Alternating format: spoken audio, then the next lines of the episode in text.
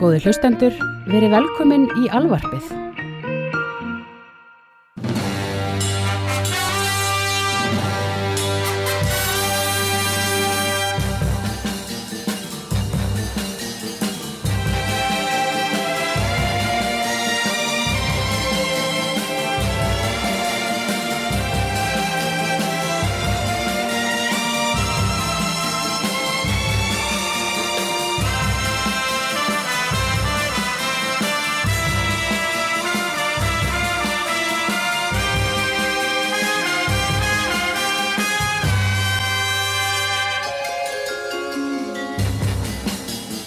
Herru, Ævar Hérna Hvort ef að þú hérna gætur, fengir að velja Hvort heldur þú myndir taka þig betur út í Jakkanum sem Ryan Gosling er í, í Drive Eða jakkanum sem að hérna, Kaneda er í Akira Það er sagt, þegar þetta eru mjög svipaði jakkar að því leita eru báðir svona uh, töffara mótuhjóla jakkar eða svona Já. Báðar hetjurnar keira uh, faratækjum sem að ganga fyrir bensinni Hvað heitir það aftur? Bif Erstu eitthvað? meina, ertu meina velhjól? Vélhjól og hi- hi- hittir hérna bifreið mótorhjól jafnir? Bíll, já, Já, bíll og vélhjól En það sem, það sem spurningin er samt Hvorum jakkanum viltu frekast, frekar klæðast í jakka jó, móturhjóla kappans um, Kanada eða hérna Ökuþórsins í kvikmyndir Ökuþór með honum Ryan Gosling í hlutverk sko, uh, má ég koma með gagtilbúð?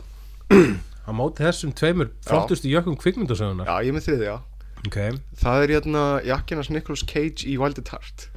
Ah, Þetta snakeskin jakki til gott, góð þrenna. Já, ok, ok, ríðadrepa giftast. Jakkin já, ok Sko- ef þú ræðum þá í top og, og bottom. Ég- sko það náttúrulega að Kaneda jakkin og hérna, uh, Sailor jakkin eru konur á klassiska stíð að meðan að Drive jakkin er komin á Halloween stíð og hann Já. er ennþá á Halloween stíð er ennþá, það er fólk ennþá að mæti honum að Halloween, Já. ég man þegar ég kom af henni þá spáði ég rétt fyrir bara þetta er næsti Halloween búningurinn það mun allir mæta með þetta og verið með hamar á sér Þannig og síðan halda kjafti allt partíð þannig að Toads drepa uh, Drive jakkan Ok, Hérna, Já, þetta er samt ekki ríðadrepa giftast Þetta er fyrsta sæti, annars sæti Já, ég er að setja, ég er að setja í þriða sæti hérna Ok. Ég, Ok, þannig að ríða er það annað eða fyrsta sæti hjá ég veit þér ekki, er það ekki? Ég, ég hefði haldið það að það væri alltaf þriða sæti að drepa mm. Þetta er góð spurning Er ríða fyrst eða annað sæti? Já, bara þú, þú Nei, ég held að Þú ert að giftast dæma sé, sjálfa skilur- þessi manneskju. Giftast er, er, er skilur þú veist commitment for life einhvern veginn Já, það er, það er fyrsta Maður er einhvern veginn reikna með því að þetta sé einhver svona katholsku dæmi Ok, setjum þá ríðadrepa giftast Þannig að þú myndir drepa uh, Drive. Já, Ok, og það er ekkert skilur þú veist, ekkert vissjus skakar dræfjakkanum eða neitt svo nei, ég, ég skil þig. Já, uh, Snakeskin, já. Valdið tartjakkin, ríða mm og kann þetta giftast. Giftast Já, Heldur þú myndir komast upp með svona eldrauðan jakka? Ég myndi Bara líta það sem þetta eftir svo ævina? En þú bara, mér er sama hvað eitthvað finnst ég elska hann í jakka. Nei, ég held að þetta sé rétt þér, það þarf að snúa sig við. Já, myndir þú að ríða Já, hann já. Þetta er svona Er hann once, svona þetta er svona, rat? þú gengur í honum einu sinni og heldur þessu tókslega cool. Já. og síðan þegar þú ert svona komin eitthvað út og fer að taka eftir því að allir eru að horfa á þig og ekki vegna þess að þú ert tókslega cool heldur vegna þess að þú passar ekki í hana jakka. Og síðan fer hann inn í skáp og, og, og, og fer aldrei í hann aftur. Já. Þetta er þannig jakki. Ég nefnilega, ég reyni að kaupa mér áberandi fatnað stundum vegna sem er langar stundum að vera svolítið pimpaður en það takmarkast oftast bara við stregaskona mína. Mm. þannig ég er oftast bara svona freka venjulegur en í litrikum skóm. Uh, ég Ég held vil að ég myndi ekki með- komast upp með það er nefnilega rosa flott það sem ég er ástæðan ég var að bera saman Drive og, og, og Akira jakkana já, vegna þess að þeir eru báðir með mynd aftan á. Var mynd aftan á snakeskin jakkana nei, Nei Þeir eru, það er svo flott mynd aftan á Kaneda-jakkunum já. sem er þessi pilla. Mm og ég held að ég myndi frekar að vilja jakka með pillu aftan á heldur en með sportdrega það er eitthvað meira takki við það að klæðast sportdrega það er eitthvað svona uh, biker chick. Það er er eitthvað svona, svona white trash við það. Hann er líka kannski aðeins tímanum er þetta ekki svona rhinestone eitthvað svona Hvað er rhinestone í íslensku? Ég man ekki eftir að voru henni rænstons í hans jakka. Það var svona eitthvað svona eitthvað uh, grátt uh, Nei. ge gerfefni Já, ég er að tala um, þú veist, dræfjakkin, var þetta ekki eitthvað svona glitrandi, sportdrykkin, var þetta ekki svona eitthvað svona uppleift? Nei, það var eitthvað svona silkilegt. Er Það, Já, svona gerfi silki Satín. Satín. Satín, Satín. Ok. Sa Víkburt satín, segi ég. Uh, Hérna, ég myndi setja Ok, Ég ætla að giftast Akira jakkanum mm. En ég held að vera ekki droslega gott hjónaband. Ég myndi kannski felan í skáp lengi En ég myndi svona elskan Ég myndi að klæðast honum innan dyrra já, svona, svona einn með speiklinum, Já. Ég, Mér finnst hann flottastur. Já. En ég held að ég þurfi að bara Myndir alveg rúlla upp og, Já, ég rúla reyndar alltaf upp armar. Um, Og ég myndi setja Já, ég set uh, hérna vælda tart í annarsæti Mm. og, uh, og alltaf þá að drepa drive dræfjakkin er bara ekki náðinni núna. Ég, Það líka vegna þess að það er svo ný mynd að það að þú klæðist honum þá er allir svona uh, drivejakki en hérna ef þú klæðist einhver á hinu þá er það svona áttu minna á minni líkur á því að fólk er eitthvað svona að þú sást þetta kvikmynd vegna þess að þú veist já, við erum samt að tala um svona, það eru cirka svona 15-20 ári í það að dræfjakkin verði cool aftur. Já, akkurat. En Drive er samt heldur að það verði kvöldmynd vegna að var hittar að þú kom. Já, það er góð tónlist í henni. Og þú tónlistin lifur svolítið. Uh, og hún er svolítið svona visually cool. Já, ég held að lifi. Ég held að þetta sé svona keeper. yes. Uh, Komið sæl, þetta er þátturinn hefnendur. Ég heiti Hulkleikur og með mér er Ævormann Halló. Við erum hingað komnir til að ræða ímislegt sem skiptir engu máli í þessari veröld Hvað er að gerast? Ævormann, hvað er að gerast í dag? Sko, um, það sem að mjög stoltið efst að bauja akkurat núna er að Quentin Tarantino þetta er í annars skiptir endar í tveimur þáttum sem við tölum um hann. Já, aldrei Já, en ég ætla, en málið það, hann sem sagt ætlaði að gera þarna Hateful Eight. Mm uh, og síðan sem sagt koma fréttir um það að hann ætli að gera þetta og bla bla bla síðan voru koma fréttir í dag um það að hann ætli ekki að gera það mynd. Hann er hættu við að gera það mynd vegna þess að handritið, handritinu var lekið. Já, og hann er bara mega full út af þessu vegna þess að veist, hann let bara sex manns fá handritið. Já, og þú veist, taldi upp um gauðra eins og þú veist, jötna, uh, Michael Madsen og, og, og Tim Roth og, og, og Bruce Dern. Já og hérna Kristoff Valls já. Þannig að það er, ég held að það sé hinni tvei sem hann myndist ekki á, sem eru örgulega einhverju agent gaurar. Já, sem hafa lekið handritinu? Ég held að hafi verið svona einhver svona personal hérna, assistant, PA maður segir, sem hafi gaurinn sem Já, þannig að það þar sem þarf að regna út er hver af þessum leikurum uh, er líklegur til að vera leiðilegur við aðstofamannin sinn. Vegna þess að það að, sá aðstofamann sem elskar sinn uh, leikara minnst myndi hafa leikið þessu. Ég held reyndar næstu enginn af þessum gaurunum að mögulega Christoph Waltz sé með aðstofamann Heldur að Kristof Volt sem aðstofamann en ekki Að- nei, hinnir ég er að tala um hann er líklegastur af þeim fjórum. Til að vera með aðstofamann Tim Roth með aðstofamann Bruce Dern, er hann ekki voru náðu gammal til að Ég held að bara ef þú ert, leik, ef þú ert starfandi leikari þá held ég að sé ekki líklegt manager. Þeir eru bara ekki það, þú veist, big shot í lengur Æ, meina, og hann, hann hlýtur nú að hafa postfangi hjá þeim, þú veist, persónlega postfangi allir hafa aðstofamann já, Já, meira að segja að þú ert myndasögu höfundar hafa aðstofamann Frank Miller er með aðstofamann já, ok, ef við göngum út frá aðstofamannakenningunni þá, þá myndi ég veðja á hérna, Dern vegna þess að hann, hann er of gamall. Já, nei, ég, ég kann ekki á iPad þetta er of verfið já, já, já, já. getur þú prentað þetta út fyrir mig Já, þetta getur verið, ég vona eiginlega hálfpartin að sé Bruce Dern að kenna vegna þess að Tarantino myndi fyrirgefa honum já, mest vegna þess að hann er gamall og hann heldur svo mikið upp á hann. En þetta er sko eins og hann Tarantino talar um þetta þá er hann svona, þú veist, hann talar svolítið eins og sko glæpa fóringi sem er svona, hvern ykkar mun ég aldrei aftur tala við já, nákvæmlega, hann er að samvisku kúa og þannig, þannig að, að því leiti þá vona ég alveg Michael Madsen vegna þess að ég myndi sakna hans minnst úr Tarantino hérna klíkunni. Já, eða já, ég vil sjá Bruce Dern. Já, ég vil sjá Tim Roth aftur. Já, ég vil alls ekki missa Christoph Waltz. Mm, og ég, held, ég myndi síst líka halda það að hann, hann þýskur. Já. þeir eru með svona code of honor er, nei, nei, eru hann er austurískur hann er austurískur ég myndi að segja að þjóðverið eins og svona Ás- klingonar jarðar. Austuríkismenn hafa engan honor já, já, akkurat já, já. Já, ég veit það ekki. Það lítur út fyrir að allavega hann eh, Tarantino ætlar að slátra þessari myndi svo díski nazistar slátra austuríkismennu árið 1938. já, Nei, já, en ég er líka Þetta er leðilegt, en á sama tíma þá er kannski gaman að sjá bara þá einhvern annan. Hann segist að hann ætla ekki að leikstýra svo handriti núna, þannig að Nei, hann kannski ætlar bara kemur ekki ykkur að gera þetta handrit. Hann ætlar að, gera skáldsögur því. Oh, og síðan þegar hann er búin að gera skáldsögur þá ætlar hann mögulega að skoða þetta aftur ekkert tíma setna mm, það er pælingin. Já, það. Já.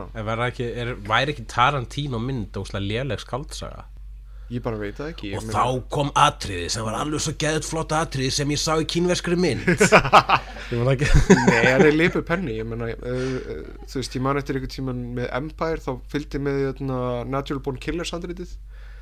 Já, já, ég hef lesið það og ég hef lesið handritið á True Romance og uh, Reservoir Dogs líka. Mhm. uh, Þau True Romance bara er, sem texti, er- sko. Já, mjög skemmtilegt sem texti en það er, samt, það er handrit. Já, ég, Já, það þurfti að vera rosalega pölpað. Það þurfti að vera svona meðvitað bara svona takki í handrit sko, svolítið, Mhm. vegna þess að myndirnar eru basically eru, eru basically svona takki pölp myndir. Já, þannig að það, það þyrfti eiginlega að prenta bókina á hérna, endurunnin pappir og, og, ge- og ekki, ekki hafa öðruvísi heldur en paperback sko. Ég held hann eftir að standa á þessari hugmynd. Hann á aldrei eftir að nenn að klára þessa skáldsögu vegna þess að skrifa er leiðilegt tekur langa tíma. Já, og það tekur aðeins lengri tíma að skrifa hérna, uh, skáldsögu heldur en, heldur en handrit. En ég var eiginlega að vona að hann myndi bara henda svo á hvern annan leikstjóra og við myndum sjá í fyrsta skipti bara síðan hvað, Nathan Borg Killers, True Romance að hérna, einhvern annan já, uh, Dust Till Dawn reyndar líka. Já, einhvern annan en Tarantino leikstýra Tarantino handriti og það er bara pínu spennu sko. Já, en á sama tíma þá er líka ef þetta veldur því að hann skrifar eitthvað annað handrit sem er ekki vestri þá er það pínu stuð vegna að það var smá sem að hérna, ég var svona, ó, er hann fara að gera annan vestra en hann var að gera vestra? Ég vil svolítið sjá hann fara allar skalan. Fyrst en eitthvað að fara að hætta eftir einn og hálfan áratöku eða svo, hvað Já. er hann gamall eiginlega? Ég veit það ekki. 50 eða eitthvað. Já, þá er hann að fara að hætta eftir tíu ár. Já. En allavega uh, hvað er meiri gangi? Ég er búin að gleyma því, hvað var Hell. Já, já, já, já, Hellblazer, þeir eru bara að gera Hellblazer hérna ekki, ekki, ekki látið eins og þú sétt hissa á því. En hérna uh, Hellblazer sjónvaserja Já. Hellblazer sjóaserja sem verður á NBC Já, Já, það. NBC er það sem að ræðir mig Já. við þessa hugmynd. Það er einu sem búið að klúðra uh, Hellblazer í, Mhm. í hérna kvikmynd í, þú veist, í, þessu formi. Býtu, býtu, býtu Þér finnst samt skiljur það Hellblazer kvikmyndin er bara ekki það slæm. Já, en hún er ekki Hellblazer. hún er ekki Hellblazer, hún er bara ekki slæm kvikmynd. Hún er allt í lægi kvikmynd mm.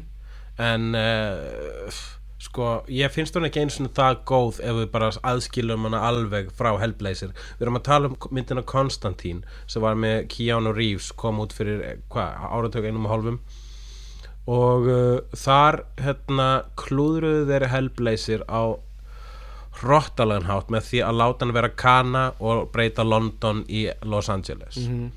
það er í rauninni jafn bjánalegt og þú hefði látið sko Hailey Joel Osment leika Harry Potter Já, það, var, það vantaði svolítið upp á einmitt þessa kvestasvæðingu sem að hérna, fylgir Hellblazer? Ég meina Hellblazer ævintýri gæti alveg gerst í Los Angeles. Ég hef lesið Hellblazer bækur þar sem að John Constantine fer til Los Angeles og á svona djöfuleg ævintýri þar, það er dásanlega saga sem að hann var að afhjúpa einhvern, djöful sem var að skapa personan helviti í Beverly Hills og það var bara flott ádæli og allt það og það bara virkar. En að láta John Constantine tala með amerískum hreim það er bara stúpid sko. Já, nei, ofanlega, ég meina, þú veist uh, hann hérna Keanu Reeves er, er bara með aðeins svo mikið sjarma. Þarf að vera svolítið já, fráhrindandi hann er, svolítið hann er svo mikið krútt. Já. já, akkurat. Það er, það er svo cool við hann Konstantin, John Konstantin, hvað hann er vicious. Hún tækni maður okkar hristi hausin og, og, og, og tógaði hár sitt þegar við, heyr, hún, hún, við tölum um Keanu væri með sjarma. Hann er með sjarma. Sannaði annað. Hann er, uh, já, ég ætla að sko hérna, vissir þú að Hellblazer, útlitið á honum upprunnilega var byggt á Sting? Já, já, ég man eftir að hafa lesið eitthvað tíma Já, að það var En það þegar svo- Sting var í Police og hann var svona nettpöngaður en þá já, og síðan uppblásna hárið Já, eitthvað og var með svona brodda já, Þannig að hugmyndin þegar Alan Moore skapaði Hellblazer var það að hvað ef að galdrakall sem að stunda svarta galdur væri bara stattur hérna í miðbæði London og mm lítið bara út þessu Sting? Já, og þetta er hugmynd sem lukkar rosalega vel í myndasögu.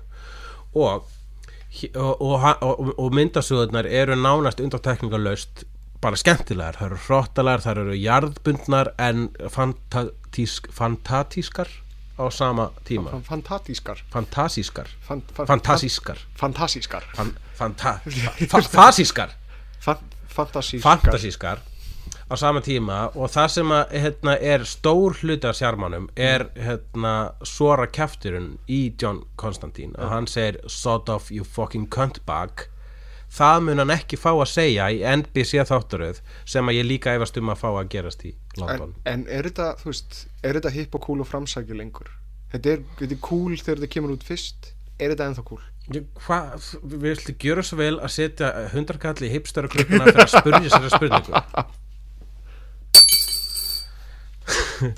vegna þess að er þetta cool? Ertu actually að spurja hvort að eitthvað, eitthvað úr myndasögu sé cool? Nei, nei, nei, nei, ég er að tala um það að veist, þetta, þetta er minni sem búið að vera til hansi lengi. Og hefur verið kópurað á alls konar stöðum.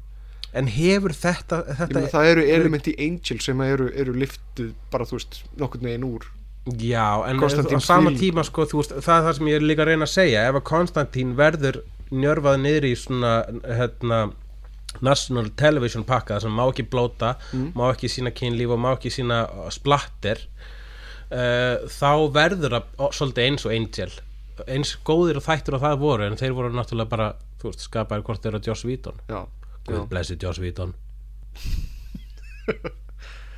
herri, já. Ertu ekki með sömu áhyggjur af þessu? Heldur þetta getur verið gott? Það er nefnilega sko eitt dæmi sem að uh, gæti nefnilega afsanna sem að uh, stiður ekki mína kenningu. Það er hérna Hannibal ég er alltaf sem eru um mannætu.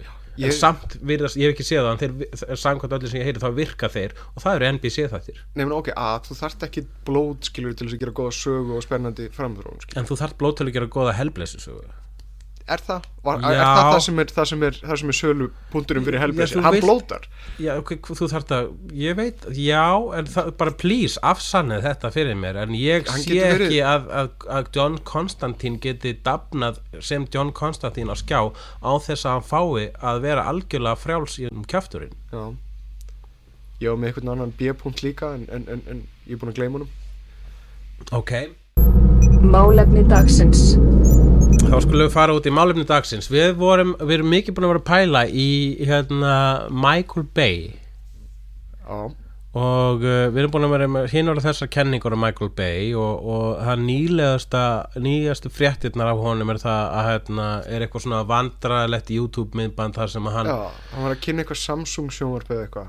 Var hann Ég ekki að kynna eitthvað nýja, eitthvað nýja eh, nýtt bíótjald? Svona þrývítar sjónvarp og- sem að er bóið sem að, já, já. Uh, og málið það hann var eitthvað að tala um að hérna, þú veist, hann er að skjóta senur fyrir Transformers 4 mm. sem ég eftir að bara, veist, look, look amazing Mm. nema hvað hann stendur hann á sviðinu og hann með prompter fyrir fram að sig Já, og uh, prompterinn fyrir hratt þannig að hann, hann, hann svona einhvern veginn týnir þræðinum, næri ekki eftir þræðinum mm.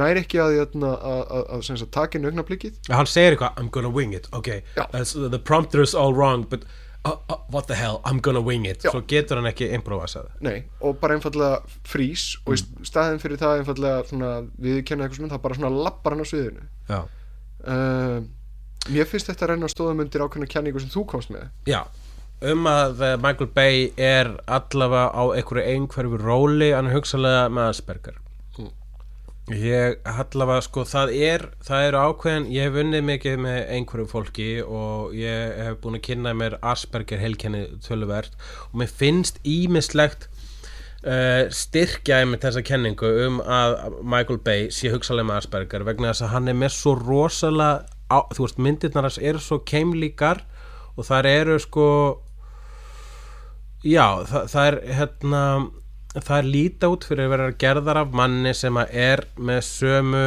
svona, hvað getur maður sagt ég reyna að finna annað orðið við þráhyggju en allavega sömu svona hérna ákveðnu áhuga mál ákveðnu niður njárfaðar hugmyndir um hvernig á að gera kvikmyndir Já. og maður sem að væri með Asperger. Og uh, hérna, það sem líka er að hérna, ég þekki uh, mjög mikið að einhverju fólki og það er bara alls ekki það er þessar myndir ég veit, að, ég veit um fleiri en allavega tvær einhverja manneski sem að elska Michael Bay Já. að tala til þeirra vegna þess að þú veist að hverju þú gengur myndmálið er mjög skýrt Já. og það sem er líka og, ég, og það sem að hérna, það er mjög vinsalt að hata Michael Bay en, en það verður ekki tekið frá honum að hér er ótör á ferðinni þýðir basically er eins og Tarantino þú ferð á Tarantino mynd til þess að sjá Tarantino Þa, mynd. það er ákveð handverk Já, það ákveða handverk. Og handverki hans uh, Michael Bay það er bara ó, það er bara maður, það, það, maður bara þekkir Michael Bay ramma um leiðum að sér hann. Mhm. það sjaldan e, e, e, na, mjög oft er hérna himinin appi gulur og það er að minnsta þú veist, að minnsta kosti 15 sprengingar Já, í mynd. Þa, Og- og það væri lítið alveg fáranlega mikið klift Já, það er rosalega hraða klippingar. Hann náttúrulega hefur æft sig á auðlýsingum og tónlistaminnböndum allæfi og það er rosalega mikið af svona gellum, það sést ekki kona í þessari mynda á sig verið eitthvað svaka gella. Þannig að hann er bara svona hann er með svona ákveðin akkeri. Já, bara, hann er bara svona, já, ég ætla að fara að hafa sprengingar ég ætla að fara að gellu og þetta er appiskulega heiminn og, og, og sjæla búf ég meina, svo, svo svona setjum í stellinga svona devil's advocate það sem að fólk kvartar mest undan er það að hann setur upp alls konar fríki vinkla á kameruna. Þannig að þú sérið alls konar hluti frá, frá hinum og þessum sjónarhólum uh, sem að eru bara voðalega skringilegir og, og þú veist, eru töff. En hérna, að samaskapi þá er eins og hann vit ekki hvers vegna hann er að gera þetta. Nei, hann er bara að gera þetta vegna þess að hún er fyrst og töff á meðan til dæmis sem að skoðar veist, myndir eftir Hitchcock eða whatever skilur þess að það kom einhverju skringilegi vinklar þá þjónar það einhverjum tilgang í sögunni. Þá er það, þá er það sögn í vinklinum. Já, hann gæta, hann hefur aldrei getað útskýrt sjálfur hvers vegna hann gerir myndir svona, hann skilur ekki af hverju fólk er að spyrja hann að því, bara, já, ég, ég er bara að gera myndir sem að er einmitt, þú veist, þú átti ekki að vera að reyna svona fyrirgeðu, hvernig ætlar að gera almennilega art í mynd, það er mm -hmm. stúpid hluti til að ætlast til af Michael Bay, hann er bara ógislega góður í því, því sem hann gerir og þessa kenning mín, hún byrjaði fyrst að poppa upp í kollin á mér þegar að ég las uh, hérna, viðtal við hana uh, Megan Fox mm. þegar henni var sparkað úr þessu fransæsi vegna þess að hérna, hún hafði að Spielberg framleiðir þetta ég veit ekki hvort þetta er satt þetta sem stóði á, í, í, í miðlunum. Ertu að meina þegar hún kallaði hann Hitler? Þegar hún kallaði hérna Michael Bay Hitler. Hvað er málið með nasist á Hitler og, og þú veist, vera er rekin og þetta er bara í tísku núna. Það er, það er bara dásanlegt en ætla, hún hérna hún kallaði uh, Michael Bay Hitler og þetta spurðist til Spielbergs og Spielberg segi við Michael Bay rektana núna. Vegna þess að þú líkir ekki neinum við Nei, ég meina þú veist, Gaurin er hérna að kosta og er eitthvað formar í sjóarnemdinni hérna sem, sem að snýst um að sapna uh, sem sagt frásögnum eftirlífenda helfaranarnar er það The Showa Foundation er Michael Bay í því? Nei, Spielberg. Steven Spielberg Já. sem að hann sem Ok. sagt er, er verið þáttangandi og Hornum Spielberg hefur sem þótt óslega að einhver hafi notað þetta ykta myndmál. Í, í sambandi við mann sem er augljóslega ekki Hitler. Mm þannig að henni var sparkað og önnur beiba kom í staðinn hérna Rose uh, Huntington, Huntington hérna, sem að fekk allavega 20 sekundur af nærmynd á rassinum á sér í upphafskoti sínu í, í Transformers 3 sem er bæði vei besta Ég Transformers held að hann sé núna kærast hann Jason Statham. Já það, Já, það er testóstórunnið Þú veist sko kallmenn, sköllótti kallmenn þeir eru meiri kallmenn heldur en við sem eru með hár. Mm meira testast á og þess vegna fá þeir gellur eins og Rose Huntington hvað heitir hann, Davis? Vætli eitthvað? Vætli, Rose Huntington veit þetta er ekki. gæðveitt dúsi samtali hjá okkur. Sko, stí, sko, ef við Nei, en aftur, á- aftur á Michael Bay og, og, og, og hérna, Já, alltaf, hún, hún, já og, ma- og, og hún sko Megan Fox sem ég held að sé frekar cool gæla Mm. Allavega frá þessu viðtali hún, hún var bara ekkit sár, hún var bara svona já, æ, djöld, það er mér að sparka út af þessu myndum en ég var líka kort, hún var kort búin að við, viðkenna öðrum stað að þetta væri frekar glataði myndir. Eitthvað sem að eh, Michael Bay sjálfur hefur viðkent um Vi- Transformers 2 viðurkenna eða fullir það? Fullir það við hver, hver er munurinn?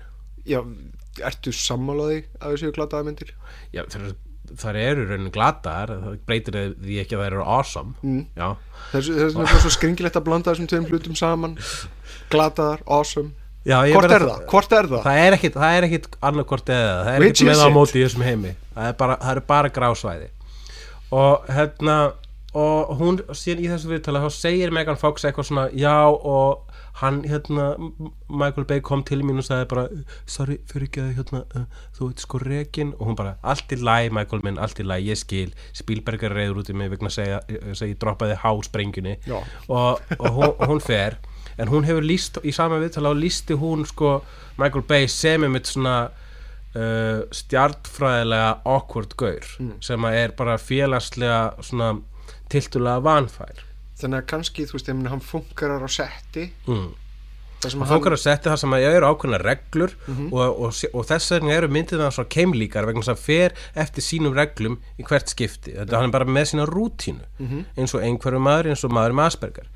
Og það er bara drullu heitlandi og drullu vel að sér gert að maður sem að er hugsalega með þessa félagslegu föllun geti gert svona awesome myndir en núna geti ég verið að sko grafa mér djúp- djúpa gröf og hann er kannski bara alls ekki með Asperger Nei, ég en þetta ég, er kenning ég veit ekki, ég meina ég hérna, hitti einhvern tímann bandaríska leikstjóra sem hafi verið með honum í, í hérna, skóla og ég mitt, þú veist, stakk upp á þessari kenninguðinni og hann er mitt svona tók svona, svona þessa góðu löngu tankapásu það sem er bara svona já, fyrst þú nefnir það þá hérna hljómar eiginlega frekar sennilega Já, og hérna og ég meina þú veist það eru þú veist ég veit ekki, maður, maður les ekkert neitt sérstaklega mikið um heimilislífi hjá honum Michael Bay í slúðublöðunum Ég skal alltaf segja það, það sem að hérna, var síðan hérna, sannunargafn nummer þú veist, átta í þessari kenningu minni var það að hann er að fara að gera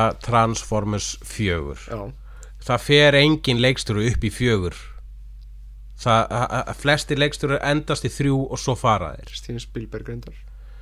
Já, hann gerði hérna, já, en hann gerði það löngu, löngu setna já, og það, það er annað hérna, annað umræðefni um hvort það á að gera framhaldsmynd svona löngu eftir númer þrjú sko. já.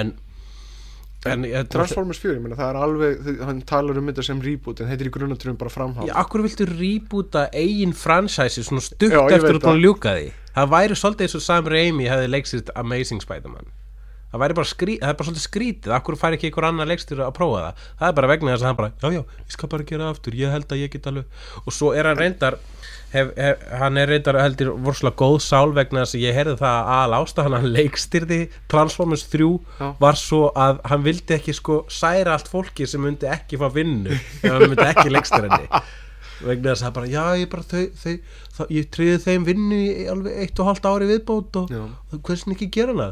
Að það sé ástæðan að þú leikstýri kvikmynd það er fallegt. En mér finnst þetta svolítið áhugavert með það uh, það er ákveðin svona snobbgeiri sem að lítur niður á Michael Bay sem að ég hef ég bara fíla ekki vegna þess að mér finnst gaman að fara á Michael Bay myndir. Mér finnst það alltaf skemmtilegar. Það er bara, já, ég, ég sé ennþá eftir að hafa ekki komist á T3 í bíó. Já, uh, hún var frábær. hún var alveg dásaleg og, skil, og það var fyrsta transformsmyndin hún notaði 3D og mér skilst að e, e, hérna hann, vin, vinnu minn fór á það mynd og hann lísti því að það var bara svona eins og 3D var, 3D var svo gott og það var eins og Michael Bay tegði höndina sína út úr skjánum og onni buksuna þínar og rúkaði þér. Ok hérna, en ok, tökum sem dæmi síðustu myndans uh, Pain and Gain ég ekki sé hana mér finnst hún frábær. Já. en það er samt sko, það er Michael Bay að horfa á Coen bræður og hugsa með ég, mér langar ógæslega mikið að gera svona. Hann hefur talað um það, Já, hann Hann- elskar Coen hann bræður, er hann notar Coen bræður leikara í gríð og erg. Hann er huge Coen bræður átandi. Uh, hérna, Hann notaði Pe- Peter Stormari, hann hefur notað Steve Buscemi, hann notar uh, uh, Turturro stanslaust. Mhm. hann sér sko Coen bræðra leikara og bara ég vil líka gera samt hann notar Og- Torturo og hann lætur gaur pissa á hann. Já, en það er, Er vissuleiti mjög, það er mjög báskilegt til dæmis. Já, trú.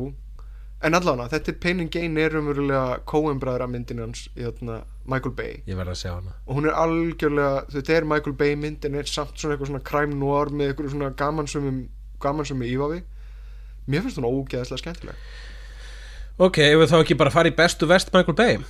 Ok, Bestu vest, Michael Bay Best og vest. By the way, áður en við förum í bestu vest Hérna og, og ég held að ég, ég, ég hef ykkur hluta vegna áhuga á sambandi Megan Fox og Michael Bay út frá þessu viðtali sem ég, ég las við Megan, Megan Fox Já. er það að hún einhvern veginn skilur hann Já. og fattar hann, kannski var hann þú veist, eins og ég að vinna í sérdöld einhverfa þegar hún var yngri og hérna og hann, og hann þú veist, hann raka hann eins og Spielberg sagði Já. en núna er hann að fara að gera surprise, surprise, aðra mynd beigði á leikfengum Teenage Mutant Ninja Turtles.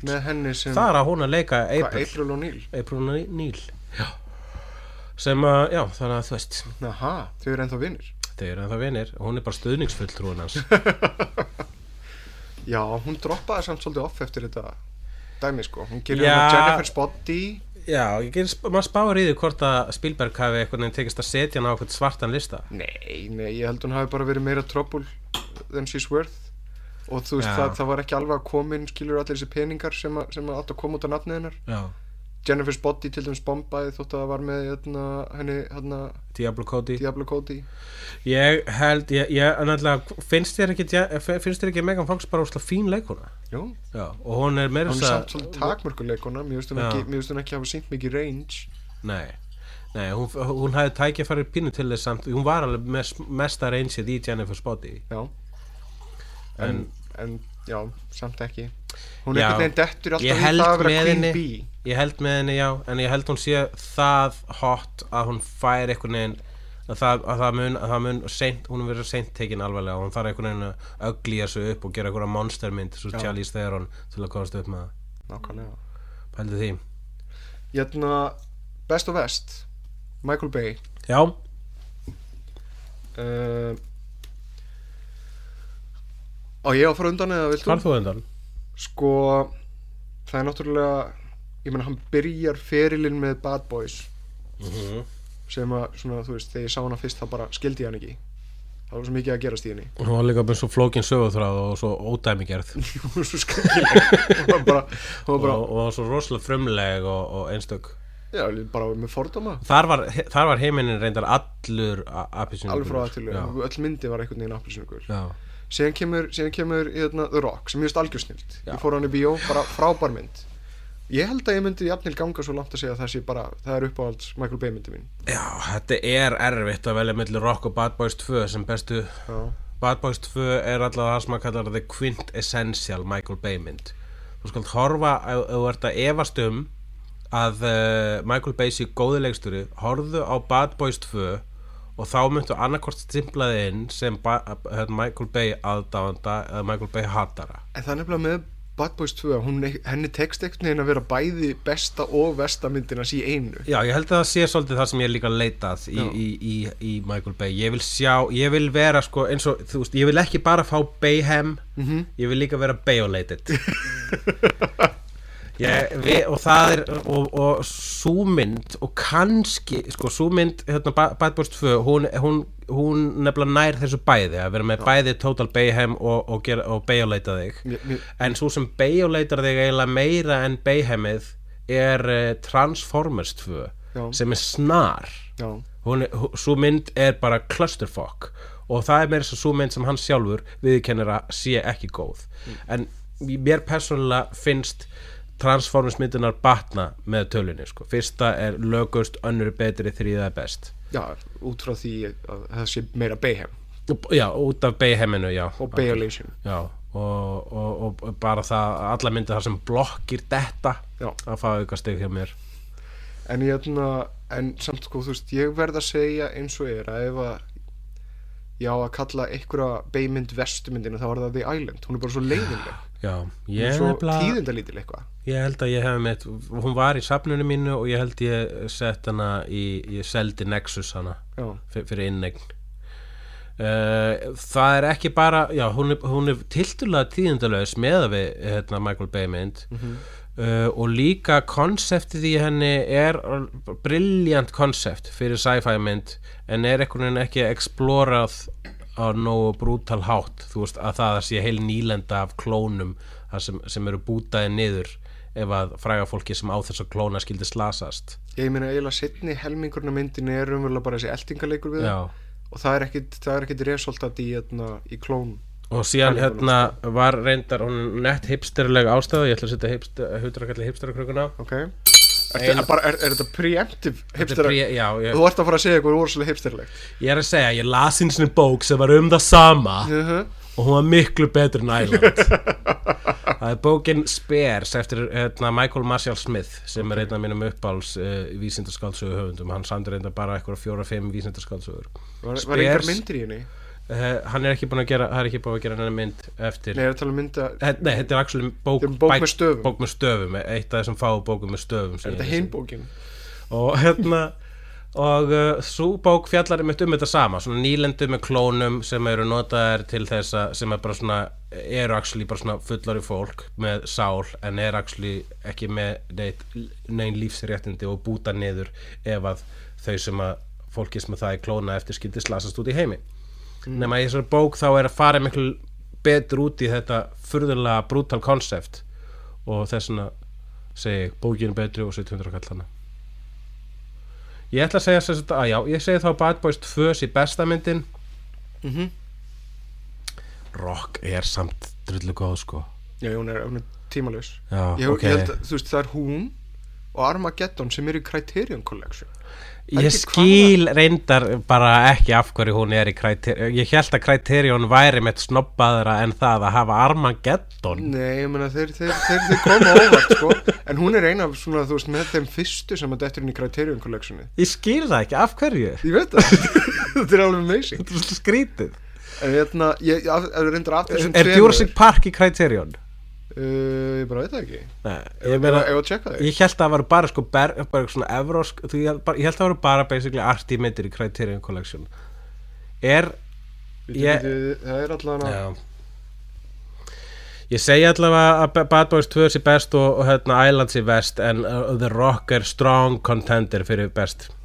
Það gæti reyndar að hugsaðist að þetta hafi dottið inn í Criterion Collectionið út af því að hann jötna, var með svo ítalegt aukaefni það var bara svona juicy fyrir það og bara þú veist, "Nei, við getum ekki sleppt þessum pakka, þetta er allt í háti og Samt leim ástæði til að setja Armageddon í Criterion Collectioni ég veit það. Ég, hérna, uh, The Rock er eiginlega svolítið dásalega mynd vegna þess að hún er sko svolítið svona kommentari á hérna, actionhetjur. Mm. hún er svona, það er verið að kveðja gömlu actionhetjuna og segja hæfi nýju actionhetjuna, það er verið að kveðja karlmannin hérna, harða karlmannin og segja hæfi mjúka karlmannin Já. þannig að við tekið eftir í actionmyndum þá er sko hetjan að vera mjúkar og mjúkari og Nicolas Cage representar mjúku hetjuna Er þetta ekki breakout rullan hans Nicolas Cage held sem hit? Já, sem og svo fór hann út í hérna, Con Air og, og, og Face Off og síðan billion myndir Con er alveg vera stort fylskref Í alvöru? Já. Finnstu Con Air slæm? fyrir hann, fyrir hann Hæ? það er bara út af þessum hárleggingum sem hann ákveður að setja í sig Já, akkurat Con Air er verstu mistökinas Nicolas Cage Nei, það er fyrsta feilsporið.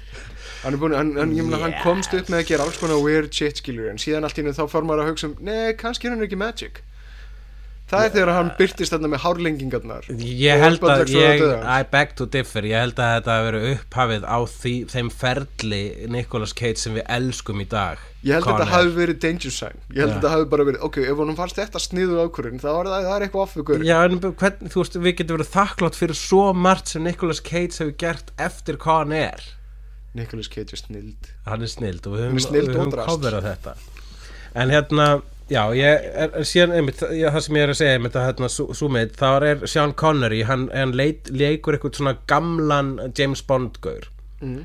sem er hérna, segir hérna þessa klassísku setningu losers always complain about their best winners go home and fuck the prom queen og þá segir Nicolas Cage Carla was the prom queen.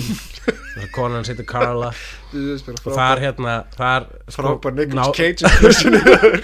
þannig á þeir svona, svona sameilum svona velli bara, já, akkurat við erum báður görðin sem ríður Oh, hérna chemist skóla. and you fucked a prom queen.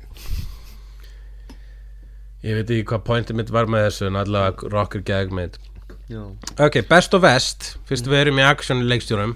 Ok, Emmerich best og vest Roland Emmerich sem að er eiginlega svolítið svipaður. Hann er svipaður ótör og hérna og Bay nema að hann er svona næstu njörfaðri að því leiti að hann vill helst bara sprengja svona monuments segir maður, kennileiti? já, Nei, það er ekki orð. Jú ken, Já, Já, en ok. það, ég held að það sé ekki akkurat það sem þú ert að meina. Nei, akkurat, ég er búin að segja svona fjögur orð sem að tákna ekki það sem ég held að meina í þessum þætti. Ertu, ertu eitthvað greindarlega vannfær eða? Nei, þetta er bara fjóra rauðvísglasi mitt. En ég hérna uh, Sko málið það náttúrulega ég hef ekki séð sko hérna, allan Emmerich. Ég hef náttúrulega bara séð það sem skiptir máli skilur, sem, sem eru stóru skemmtilegu springimyndinar Þú varst ekki síðan það sem hann, le- hérna, hérna Shakespeare myndin hans Jú, ég hef séð hana Já, eh, hvað hva, hvað er það? Er það gott? Er það eitthvað? Nei, hún er bara, bara fín svona, þú veist, svona thriller eitthvað mynd um, um það að Shakespeare hafi ekki skrifað Shakespeare Já, en hva- hvernig, hva, þú veist, hvað er eitthvað Emmerich í henni? Nei, ekkert sérstaklega. engin bygging hrinur Ekkert svo leis Þannig að það er bara, er bara... mynd sem Emmerich gerði um einhverja samsæriskenningu Já. um að Shakespeare hafi ekki verið Shakespeare. Það er vegna þess að hún þykir svo vænt um þessa kenningu að hann vill komin að framfæri. Hún, Þetta er bara ástriða fyrir honum. Eða allavega það segir hann í viðtölum. Já, er hann bara svona Shakespeare er lottari? Já, hann, er með, hann er með hérna, Derek Jacobi og einhverjum fleiri í einhverjum klubbi Það sem að hérna, "Ah, hann getur aldrei verið að einhver ómentaður skrill hafi fundið upp á því að skrifa svona fín leikrit Ég vil þá, ef hann er samsærisnöttari sem er ekkit ólíklegt Já. þá vil ég að Emmerich geri hérna Inside Job 9-11 mynd það það geðveikt og hann myndi gera og hann myndi, og við myndi sjá Emmerich útgáfu af 9-11 -hmm. Vegna þess að 9-11 er að nálaðast sem heimurinn hefur komist að Emmerich Emmerich mynd Já. fyrir ekki að mig guð uh, Herðu, vá, ég er að skoða hérna uh, EMDB hjá honum Roland Emmerich og hérna fyrir árið 2016 Mhm. þá er eitthvað til, til sem heitir ID Forever Part 1 Já, ó, mér líst ekki alveg á það Hvað er hann að fara að gera? Hann er að fara að gera meiri Independence Day Er þetta, er þetta framhald, er þetta prequel eða hvað, hvað er í gangi? Framhald Ertu maður að lesa eitthvað til um þetta? Ég, sko, ég meina af hverju þú, vegna þess að basically eru allar myndirnar fyrir utan þess að Shakespeare mynd búin að vera Independence Day 2 hann er bara búin að finna aðra leið til að sprengja hvítahúsið Já, og af hverju ég, Já, ok, það þarf að vera svolítið fucking awesome til að maður hafa áhuga að segja Independence Day 2 vegna þess að svo mynd er, hún er náttúrulega bara svo mikið tyggjó Mhm. að uh, þú vilt eiginlega ekki stinga þig aftur upp í þig nei Góð líking hey! Er þetta, en hversu ekki gott? Er þetta, hérna, er þetta tyggjó sem þú fannst undir Beck? Er þetta á ég að fara lengra með þessu please Please Sjá hvert þú fer með þetta Undir back eða Anyways, hérna Ég, ég, nei, þar sé ég, sko, ég, ég, mér finnst ekki, mér finnst hann, ég vil sjá, sko, mín uppáhaldsmynd, svo förum bara út í það, mín Já. uppáhalds Emmerich mynd er 2012, þess að þar er mesta eyðileggingin, þar Ok. er eyðileggur hann alla jörðina, Mm. þú veist, í Independence Day þá eyðilegði hann, hérna, hvítahúsið og, og allar höfuborg jörðarinnar, Mm. í uh, Godzilla þá hann New York borg, í uh, The Day After Tomorrow þá eyðilaði hann hinn vestræna heim. Já. í uh, Anonymous þá eyðilaði hann veist uh, historical accuracy. Mm. og, og í 2012 þá tekst honum einhvern veginn að eyðilegja allt og það er svo dásalegt moment þar sem hann slæri einhvern veginn svona þú veist allavega tvær flugur í einu höggi þar sem hann lætur flóðbylgju með flugmóðuskipi á lenda á hvítahúsinu Þetta er bara, þetta er, þetta er in og það er ofallegt þetta, er svona þetta er millimetr frá því að vera klám. En hvernig getur hann toppað þetta? Ég meina, þú veist, hvernig getur hann, er þetta, þú veist Alderon held ég þessi stærsta eðlíking sem við höfum séð Já, það, það, þá sáum við bara plánundu springa en við Já. vorum ekki með í nei, það- það er það sem að Emmerich gerir. Atriði 2012 þegar að fara í flugvél og fljúa í gegnum byggingu sem er að klopna og við Uh-huh. sjáum fólkið á skrifstofuhæðunum í byggingu hanga í hæðunum Það var dásalegt. Svona 9-11 eitthvað, eitthvað vísum þar Já, það- jú, jú, það- 9-11 var það besta sem kom fyrir ímynduna að blöða slóra á Amerik En, Já, já, og, og þannig að sko Já, ok, ég, ég bara, ég vildi sjá, ég, ég, þegar maður sá 2012 bara svona, hvað gerir hann næst? já, og þá fer hann bara svona aftur á byrjunina með Independence Day og ætlar að gera Independence Day Forever Part 1 sem því greinlega þegar að fara að koma ný trilogía af Independence Day. Ný, það, er, það var náttúrulega engin tilögja fyrir. Já, ok, það er að koma trilogía af Independence Day og bara, já ég, Eða- eða það, kannski ég er bara ekki tvær. spenntur. kannski, Já. kannski gera hann bara tvær kannski lætur hann sér tvær duga ok, whatever ég segi 2012 besta myndin besta myndin er uh, Yes. Godzilla nei, hún, mér finnst hún svolítið krútuleg það var svo krútuleg Godzilla ungarnir í endan mm, ég ætla að segja Independence Day sé versta myndin hans. Það er bara vegna þess að hún er svo gömul. Það er lígi ég, hún er náttúrulega mótaðan en ég ætla að segja að hún sé verst. Við erum með atriði þar sem að fósiti bandaríkjana heldur ræðu mhm fer Já. síðan upp í orustu þóttu og bestu geimurur mm, og síðan vinnaður geimururnar með tölvuvírus að makka. Ok, já. Þetta er erfitt, þetta er erfitt. Hvað, hvað, þetta er bara of amazing. Hvað, ég þarf að sjá þess anonymous mynd svo ég geti sagt einhverja verstu myndin hans Ég hef séð actually hérna, eina mynd sem að heitir Moon 44 sem að var straight to video mynd eftir uh, Roland Emmerich ok, ég hef ekki séð hana. Það er svona, það er svona þyrlu hérna, mynd sem gerist í fangabúðum á tungli í framtíðinni. Og er hún það góða hún, hún er betri heldur um Godzilla já, ég, mér fannst þú bara svolítið innovative vegna þess að ég sá hana þegar ég var lítill og ég held að sé fyrsta svona prison rape atriði sem ég séð í bíómynd og mér er svolítið svona bara eitthvað aðteglisvert og allavega minnst kosti frumlegt við það að hafa prison rape prison atriði. rape atriði í Rólegur. science fiction mynd já, ok já, bjarga, ég- bjarga ég þessu á síðast stundu til ég sagði science fiction. Bara ég vil ekki sjá prison rape í kvikmynd já, science fiction, Já, já, það já, en ég ætla sko málið er nefnilega fyrir mér er þetta Dead Heat og milli Godzilla og The Patriot. Ah, Patriot, ég glemdi henni, verst.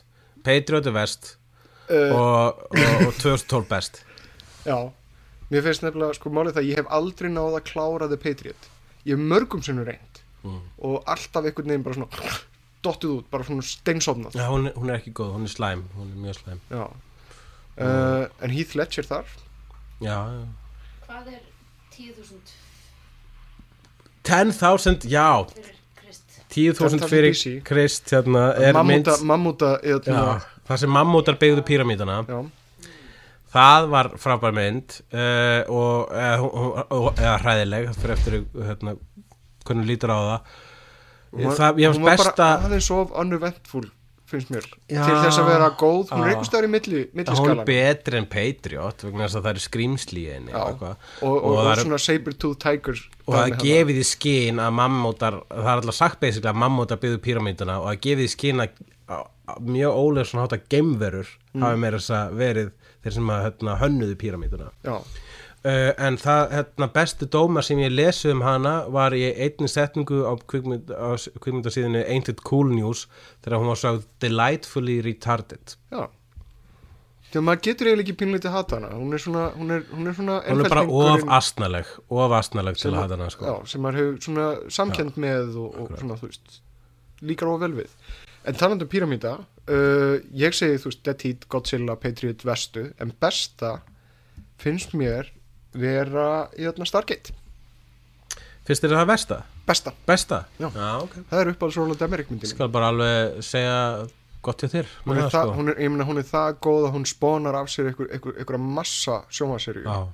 sem ég aldrei ennst að horfa á en, en þetta er bara svona þetta er, þetta er skemmtileg hugmynd Þetta er flott kast Þá ætla ég að koma með best og verst síðastu aksjónmynda ótörinn og það er Tony Scott sem að dó á a, fyrir mjög stötu síðan svona stökk af Golden Gates brúni Tony Scott er leikstjórinn sem margir segja Michael Bay sé að herma eftir. Bróðir uh, Ridley Scott og einmitt uh, skapaði ákveðið þetta, þetta Brookheimer look svolítið sem að Brookheimer leitast svolítið eftir Tony Scott uh, lúki Já, það verður til hérna í Top Gun akkurat. sem að enginn hefði trúa þeir, þeir voru endalust bara að reyna að, að sagt, forða stúdíunum frá því að eyðileggja lukkið sem að Tony Scott var að gera. Don Simpson og, og Jerry Bruckheimer. Já, það, var bara fannst allir með þetta að vera á takki og þeir auðlýsingalegt bara skildi ekki, þeir bara skildi ekki. Já, það var bara weird. Já, þetta var náttúrulega, hún var snögg, snögg kliftari heldur en bara þekktist. Og þetta kom að sama tíma og MTV var að koma uh, og hann mótaði raunin nýjan kvikmyndastíl. Og raunin Brookheimer og Don Simpson er myndi tóka að sér þannig stíl og, og úr því fættist undanabadni Michael Bay. En uh, hvað er besta og hvað er versta eftir Tony Scott? Tony Scott er náttúrulega uh, Hann er sko ekki bara actionmynda leikstjóri. Nei, hann er, hann, hann, er- hann, er- mér finnst þetta gott að mynda lýsa honum sem pappa Michael Bay. Já, uh, og mamma mamman sé þá vantilega Jerry Bruckheimer. Já, leiklega en sko, ok það er, þú veist, best á versta. Hú, það er svolítið erfitt, sko. Ég held að True Romance er besta. Já, já. ekki. En ég meina það eru, það eru, þú veist, það Last Boy Scout er líka uh, Top Gun er frábær Já, ég held að það sé reyndar það eru, marga, það eru svo marga bestar að við þurfum eiginlega að fara yfir uppáhalds persónulega. Já. þá held ég að ég fari frek Crimson Tide líka geðveik. Crimson Tide ekki og Fan sem fekk ekki svo góð dóma er pínu uppáhalds sem ég er. Ég held að, ég, en samt það er alveg þú veist, True Romance stendur fyrir sínu. Hún er bara það solid. Ég hef hort á hana oftast af þeim myndum sem Tony Scott hefur gert. Uh, ég, held að hún bara alveg stendur já, sko, já, já. Sem ég held ég geti sagt þér hvað er versta ok, Days of Thunder. Það reyndur þeir að endur skapa Top Gun sem að mínum að þetta er ekki einu svona það góð mynd. En þeir reyndu að endur skapa Top Gun uh, nema í kappástaspílum og það bara virkar ekki. Já ég meina hún, það sem að gera henni kannski ekstra slæm er það á þessum tíma þá var hann at the top of his game. Já, hann gerir umverulega jötna, uh, Days of Thunder síðan Last Boy Scout, True Romance, Crimson Tide þessar þrjár kom í röð eftir Days of Thunder. Hann er kannski pínu svolítið jafngóður á handritið en uh, Days of Thunder er bara svo mikið drasl.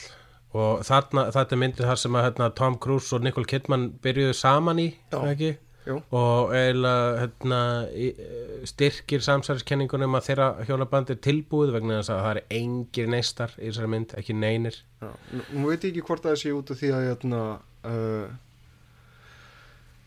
maður er bara ekkert þú veist, með hausinn inn í jötna, sem sagt kappakstus í þróttum Já, ég held að sé alveg vegna að myndin er drasl. Að Days of Thunder er vest, True Romance er best.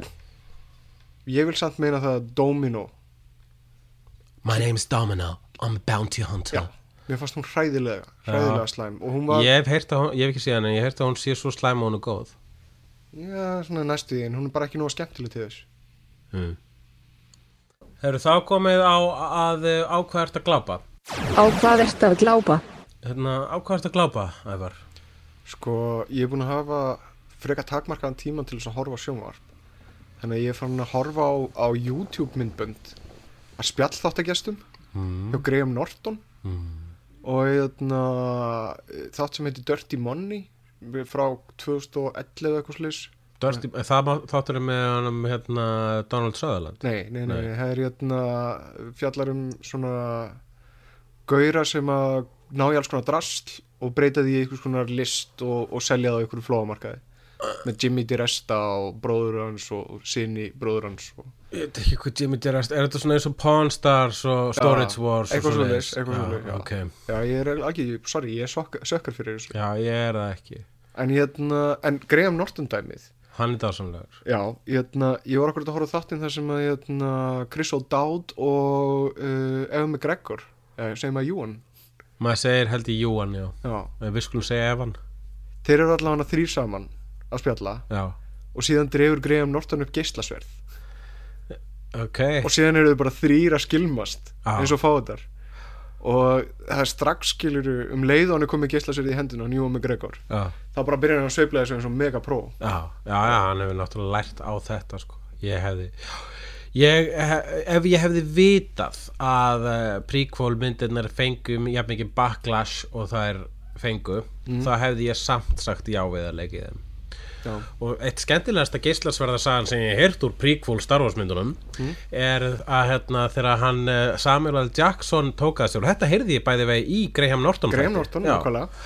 Uh, að þegar Samuel Jackson tók að sér að þegar sam, hann samþýtti að leika Mace Windu, eitt flottasta Jediin í Star Wars. Segjum að Mace Windu eða, Mace? Mace, við skulum bara segja Mace. Ok, og hérna, þá fór hann sérstaklega fram á það að fá fjólblótt geislasverð hvers vegna, svo hann myndi vegna þess að í líkil senu, já, takkuðu klóns þá eru svona 400 geislasverð á lofti í hérna, einu, einu atriði.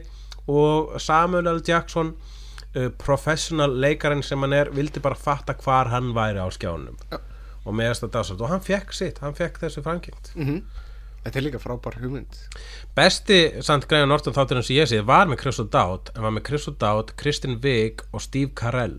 Já, og það er dásanlegt atriði þar sem að þau eru eitthvað að tala saman og þau eru öll fyndin í þættunum nema að það er fluga, ristor fluga á settinu sem Já. flýgur fram hjá þeim og það trubla svona samtali í smá stund.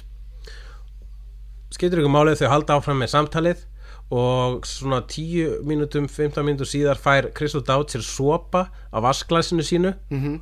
og þá gerir Kristen Wiig svona hérna. Og Chris O'Dowd bara þorir ekki að opna munnin. Og það kemur að ljós að, að flugan hafi sest í glasi hans Chris O'Dowd og hann hafi drukkið fluguna. Ekki kynnt henni heldur bara fattaði það í miðju kafi. Þannig að hann er svona halva mínútu bara þorir ekki að hreyfa sig en er með flugu í kjaftinum og tekur hann út þessar leggur á borðið. Það er að hérna, það er smooth. það er mjög, eh, eitt, það er bara, já hvað getur maður sagt, það er mest svona uh, uh, serendipital hlutur sem ég hef séð í, í, í spjallhætti. Nei, serendipital En allavega, ég er meina að það var líka þáttur þar sem að hérna, hann fekk Harrison Ford sem var að pimpa endur er, það er ekki til maður þurrari á mannin Nei, hann náði að bara þú veist sjarman já, uh, Ég man ekki hver hingestur var en Benedict Cumberbatch var þarna líka.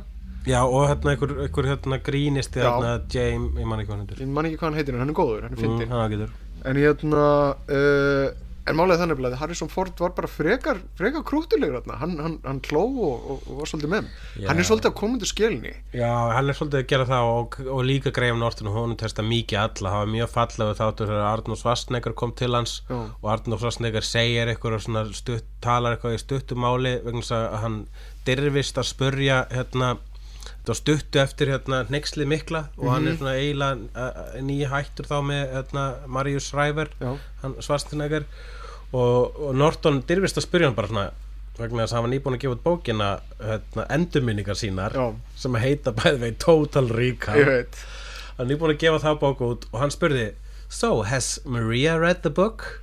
og það kemur bara svona einlæg ræða frá hérna Svartsnegar þar sem hann bara talar um hvað mikið hann sér eftir þessu og vona Maria muni eitthvað tóma fyrir honum. Og ég hef aldrei séð Svartsnegar jafn einlægan. Já, og þetta er sami maður og, og er alveg þekktur fyrir að vera sko bæði sko sexist og homophobic en Norton tókst það mikið hann líka sko. En það er talandi um svona harðhausa og, og, og svona hressagöra eins og þá þá er hérna, ok, Harrison Ford var í Jimmy Fallon nýlega þar Mm. sem hann setti lokk í eira á Jimmy Fallon já, það var bara heilt atrið já Síðan-. Harrison Ford er alltaf með lokk í eranu Já. já, hann vildi vera eins og, og heitja sín já. Uh, síðan sem sagt var Svarsenegger líka hérna, uh, í einhverju auglýsingaherferð fyrir sem sagt þetta kid fitness dæmi sem hann er búin að vera að promotera Hva, að Kid. Kid Já, hann, stæmi hann hérna hann, rólur hann hérna hann sem sagt hérna Ó, þetta- sló ég út af lægin Já, það er sérstaklega þegar þú situr hérna og brosir eins og eitthvað krýp þetta, er- mjög óþægilegt. Ekki lýsa creepy brósinu mínu ég var, ég var að komast upp með annan barnatæra brandara Já, þú mátt alveg, alveg setja þá í vasan aftur. En Mhm. ég hérna, nei, uh, sem sagt hann breytti líkansræktar dæminu fyrir skóla í Kaliforníu fylki og Já. eða held ég bara um all bandaríkin. Mm. þannig að þetta bara var allt í hún eitthvað mega fitness dæmi og hann hefur verið að promotura það með því að fara í einhverju líkansræktarstöð með gerfiskegg og hárkollu og þykjast verið eitthvað gaur sem heitir Howard og er bara svona eitthvað að fokka í fólki. Já. og það er bara svona, don't I know you from somewhere no, you don't know me. Já, að segja hvað ég var að horfa á. Já, Uh, ég er búin að vera að endurhorfa á þáttaröð sem ég horfði á alla þar til hún endaði og það er þáttaröðin Entourage. Mm. einnig þekkt sem mest douchey sjóastáttur þarna úti og bara réttilega vegna þess að það er eiginlega ekki til meira douchey sjóastættir þetta eru þættir sem að Mark Wahlberg framleiðir og eru basically byggðir á lífi Mark Wahlbergs og fjalla basically um hvað það er frábært að vera Mark Wahlberg. Já, um, en, en eru lauslega byggðir á þessu. Þetta er, þetta eru HBO þættir sem að segja frá kvikmyndastjörnu sem að í þessum þáttum heita, heitir Vincent Chase og hans fylgdarliði þess þrýr vinnur hans.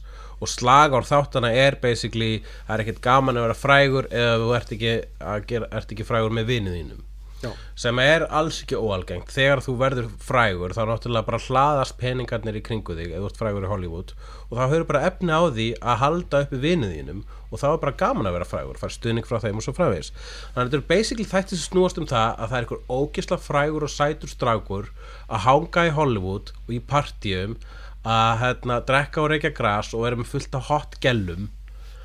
Og that's it mér hefur alltaf nefnilega fundist eitthvað ömulötu konseptið um það að vera í entourage. Að vera svona, þú veist, gaur sem er einhvern veginn vegna þess að þú ert eiginlega, þú ert eiginlega borgaði þræll. Þú ert, þú ert vinur hans en á sama tíma þá ert alltaf einhvern veginn allan í þáttunum, þá eru þeir alltaf að snúast í kringu raskatu á, á, á vins þeir eru en þeir skipa sér í einn ein þeirra er, verður Þeir eru á launum, já, þeir eru á launum, einn þeirra verður manager Já. annar verður kokkur og það er bróðir stjórnuna sem verður kokkurinn. Og svo, svo sá þriðji hann verður bílstjóri. Já, en verður, hvernig myndi þér líða með það ef að vinið þínu var á launum í kringu þig? Þetta er nefnilega það, gallin við þessa eh, þætti og, og, og raunin kosturinn er sá að þeir námanni á þessu, á þessu douche leveli. Já, er það að þið langar bara pínu að vera þarna. Þetta, hljó, þetta hljómar er svo ágætt líf. Þeir vakna á hverjum einasta degi í höll. Mm. Og svo er allir þáttinu bara uh, í hvaða mynd á ég að leika? Uh, ég tókst ekki að leika í þessari miljón dólarar mynd. Og allir verði þá ekki að leika í þessari miljón dólarar mynd? Og svo enda sko all, alla fyrstu tvær þáttaröðunar þá er eiginlega ekki neitt þáttur sem endar ekki á því að þeir eru svona ei, partíið með fullt af gælum og grasi búið. Þetta er, það er nákvæmlega það er svona minimum konflikt í þessum þáttum. Já. og það sem gera það heillandi er það að þið komast upp með það Þetta er í grunninn- verður að hafa konflikt í drama þetta er í grunnum til Sex and the City fyrir gaura Nákvæmlega, þetta er Sex and the. City fyrir, fyrir gaura og þetta er algjörung fantasía en síðan er það sem að heldur þáttunum algjörlega uppi er uh, leikari sem heitir Jeremy Piven Mm. og hann leikur Ari Gold sem að er hérna, agentinn hans Vincent Chase sem Mhm. er karakterinn sem er byggður á lauslega á, á Mark best leikni karakterin í allir myndi hann er lang besti leik, leikni karakterinn. Næst besti leikni karakterinn er aðstofamaran sem kemur inn í annar eða þriðu þátturöð sem heitir Lloyd. Asískur hommi sem fær endalest að heyra það frá hérna, yfirmannin sínum að hann sé annarkort asískur eða hommi. Mm. og, hérna, en þeirra samband er á sama tíma það er ekkit reisist eða homofóbíku það. Það er, það er mjög margt reisist og homofóbist við, við það nema það að, að galdurinn við karakterinans Ari Gold er að ástin skila sér í gegnum allt, allt dissið hans Já. til aðstofamann síns á öfugsnúin hátt.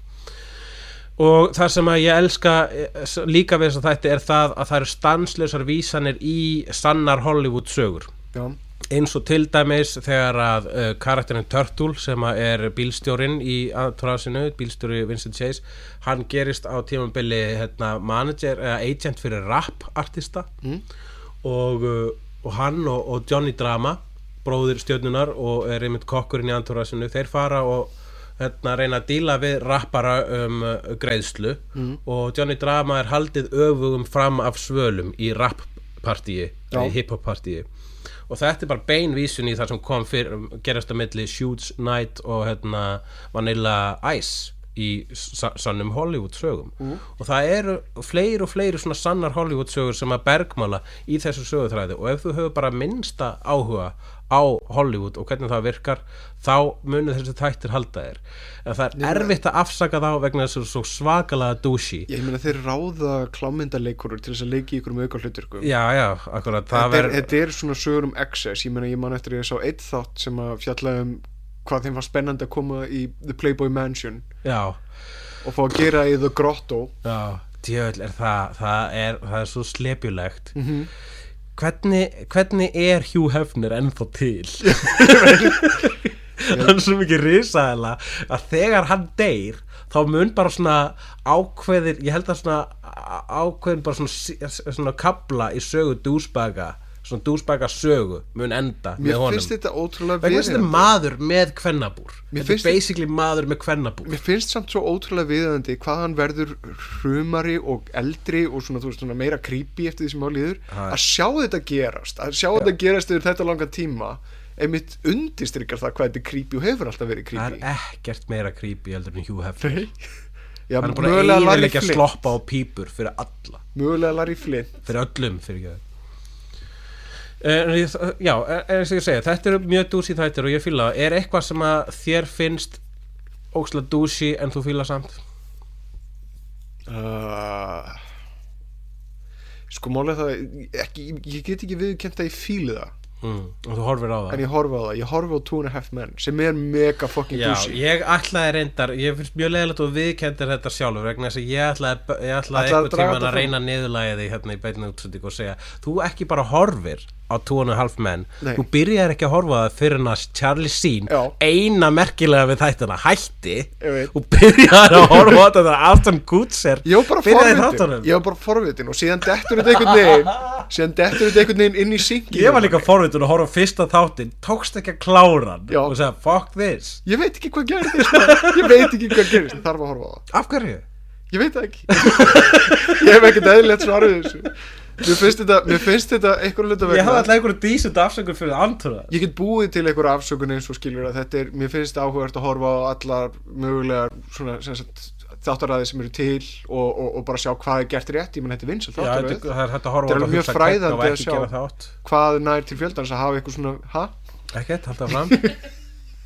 En hérna uh, en nei, ég bara veit ekki. Ég, bara, ég byrjaði að horfa og ég hef ekki hægt en málið er það, á sama tíma byrjaði að horfa á Big Bang Theory Já, sem að mér finnst á nákvæmlega sama leveli. Já, þegar maður verður svona seint kallaði dúsi en ég fætti hvað það meinar. Já, uh, Big Bang þeirri eru vissilega Þú áttir um- tilheyra sama eldgamla úrælta formi og uh, hérna þú fílar Big. Bang Theory aftur á Já, móti. kjörsanlega maður En ég- þú veist, þar hefur svipa afsökun og, uh, þegar þú horfur á Anturas vegna þess að það er líkil karakter í þáttunum sem að er bara ógleymanlega mikil snild og, það, og Ari Gold þessara þáttar, Big Bang Theory er Sheldon Cooper Mm.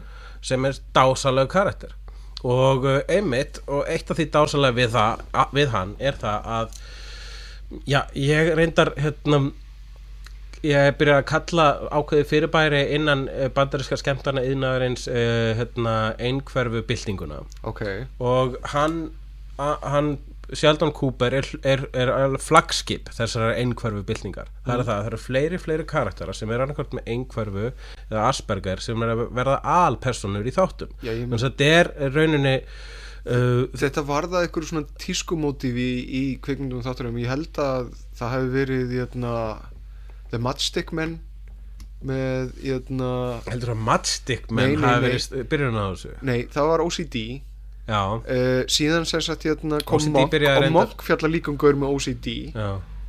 Var það ekki þá að, að skúta sitt gett að skutist, jú, jú, jú, jú. Það, en ég, ég meina, hérna, þetta, þetta, þetta, það er, jú, jú. Þetta fer einmitt svona að finna einhverju svona takmarkanir og karakter sem að gera hann einhvern veginn sérstakann Ég Og- held að og- ástæðan yfir að sko að einhverfa er eh, ég vona að ég sé ekki að segja eitthvað bjánalegt hérna en ákvæða að hérna að einhverfa sem karakter einkenni í skálskapapersonum tala til okkar. Er svo, ástæðan að það, það tala til okkar er svo að við erum öll hálf við erum öll einhverfa einhvern, einhvern nátt sko.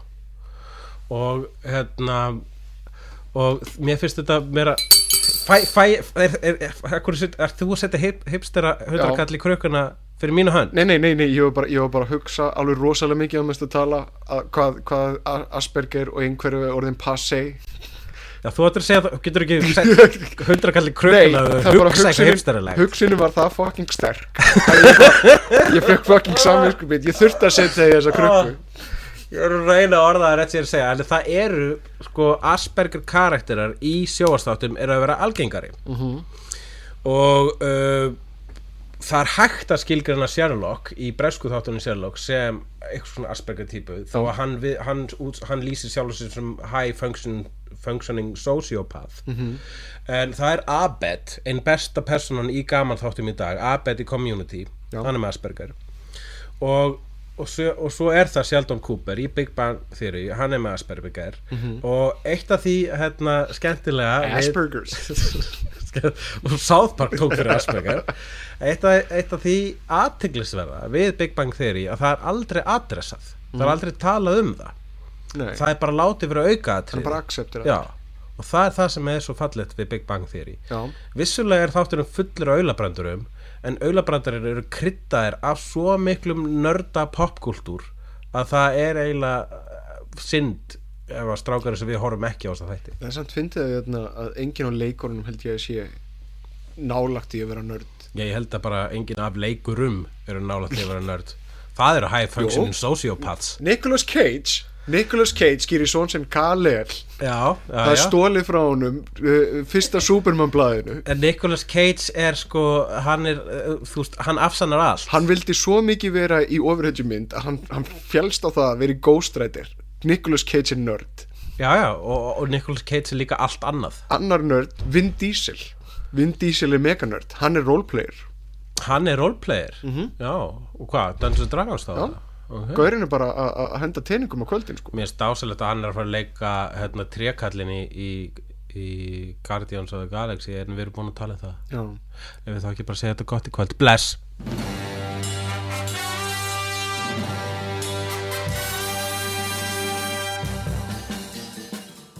Hefnendurnir hef, Hefnendurnir Ok Hefnendurnir voru Jóhann Afur Grímsson og Hugleikur Dagsson. Upptökustjóri var Sigurlaug Gísladóttir